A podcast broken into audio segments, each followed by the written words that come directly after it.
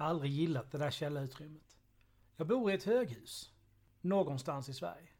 Huset har sex våningar plus källare. Just källarutrymmet är lite speciellt. Det ligger helt under markytan och saknar fönster. Jag får en liten klaustrofobisk känsla när jag är där nere så jag försöker undvika besök till förrådet in i det längsta. Att mitt förråd ligger längst in gör inte saken bättre. Just den här dagen var jag tvungen att gå ner till mitt förråd för att hämta kartonger med juldekoration. Jag blev stående i dörröppningen och samlade mod. Jag tog ett djupt andetag, andades ut och lade kilen som ställde upp dörren på plats. Jag halvsprang bort mot mitt förråd och rundade hörnet precis innan länge med förråd där mitt lilla utrymme finns. Jag saktade ner, kom fram till min förrådsdörr och skulle precis sätta nyckeln i låset när en hög smäll fick mig att hoppa till. Dörren till förrådsutrymmet hade slagit igen. Mitt hjärta bultade så hårt att jag trodde det skulle hoppa ur bröstet på mig. Jag skulle just få kontroll över min andning när allt blev svart. Lyset hade gått. Eller släckts. Hörde jag ljud för steg? Jag sträckte ut armarna och fumlade med händerna över väggen. Mina fingrar fann den svala betongväggen och jag insåg att fotstegen inte hördes längre. Men jag hörde någonting annat. Andetag. Hördes högre och högre. Någon närmade sig. Och så blev allt tyst.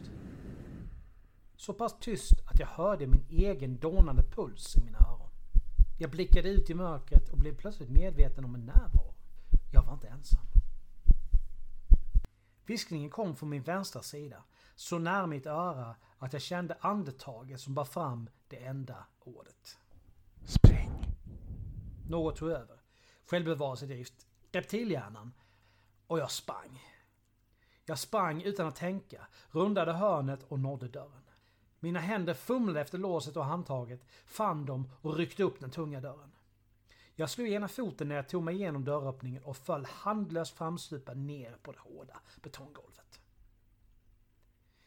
Min andhämtning rusade nära hyperventilering. Mitt hjärta slog så hårt och snabbt att jag trodde det skulle spränga sig genom min bröstkorg. Sakta fick jag kontroll eh, på min andning och hjärtat återfick sin normala puls. I flera minuter bara stirrade jag på dörren innan jag reste mig och med darrande ben tog de tre stegen fram, greppade handtaget och sakta öppnade dörren. Lampornas ljus välkomnade mig. Jag stirrade in i gången och började tveksamt gå mot den punkt där gången vek av mot mitt förråd. När dörren slog igen bakom mig igen tappade jag nästan kontrollen över min blåsa. Jag samlade mig och tittade runt hörnet. Ingenting. Jag vet inte vad jag hade väntat mig att se, men jag vände mig om för att gå när jag såg en rörelse i periferin. Mina fötter fortsatte gå som av egen vilja, men jag vred på huvudet och såg en skepnad, nattsvart, som verkade röra sig bortåt i gången, bort från mig. Jag sprang, ut ur förrådsutrymmet, uppför trapporna och in i min lägenhet. Jag sov ingenting den natten och dagen efter åkte jag till min mor. En månad senare hade jag fått tag på en annan lägenhet och flyttade. Men jag har fortfarande mardrömmar om den där källaren.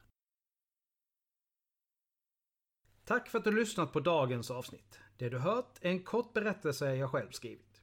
Det lär komma fler sådana framöver. Tack till Alucard Dahlberg för din hjälp.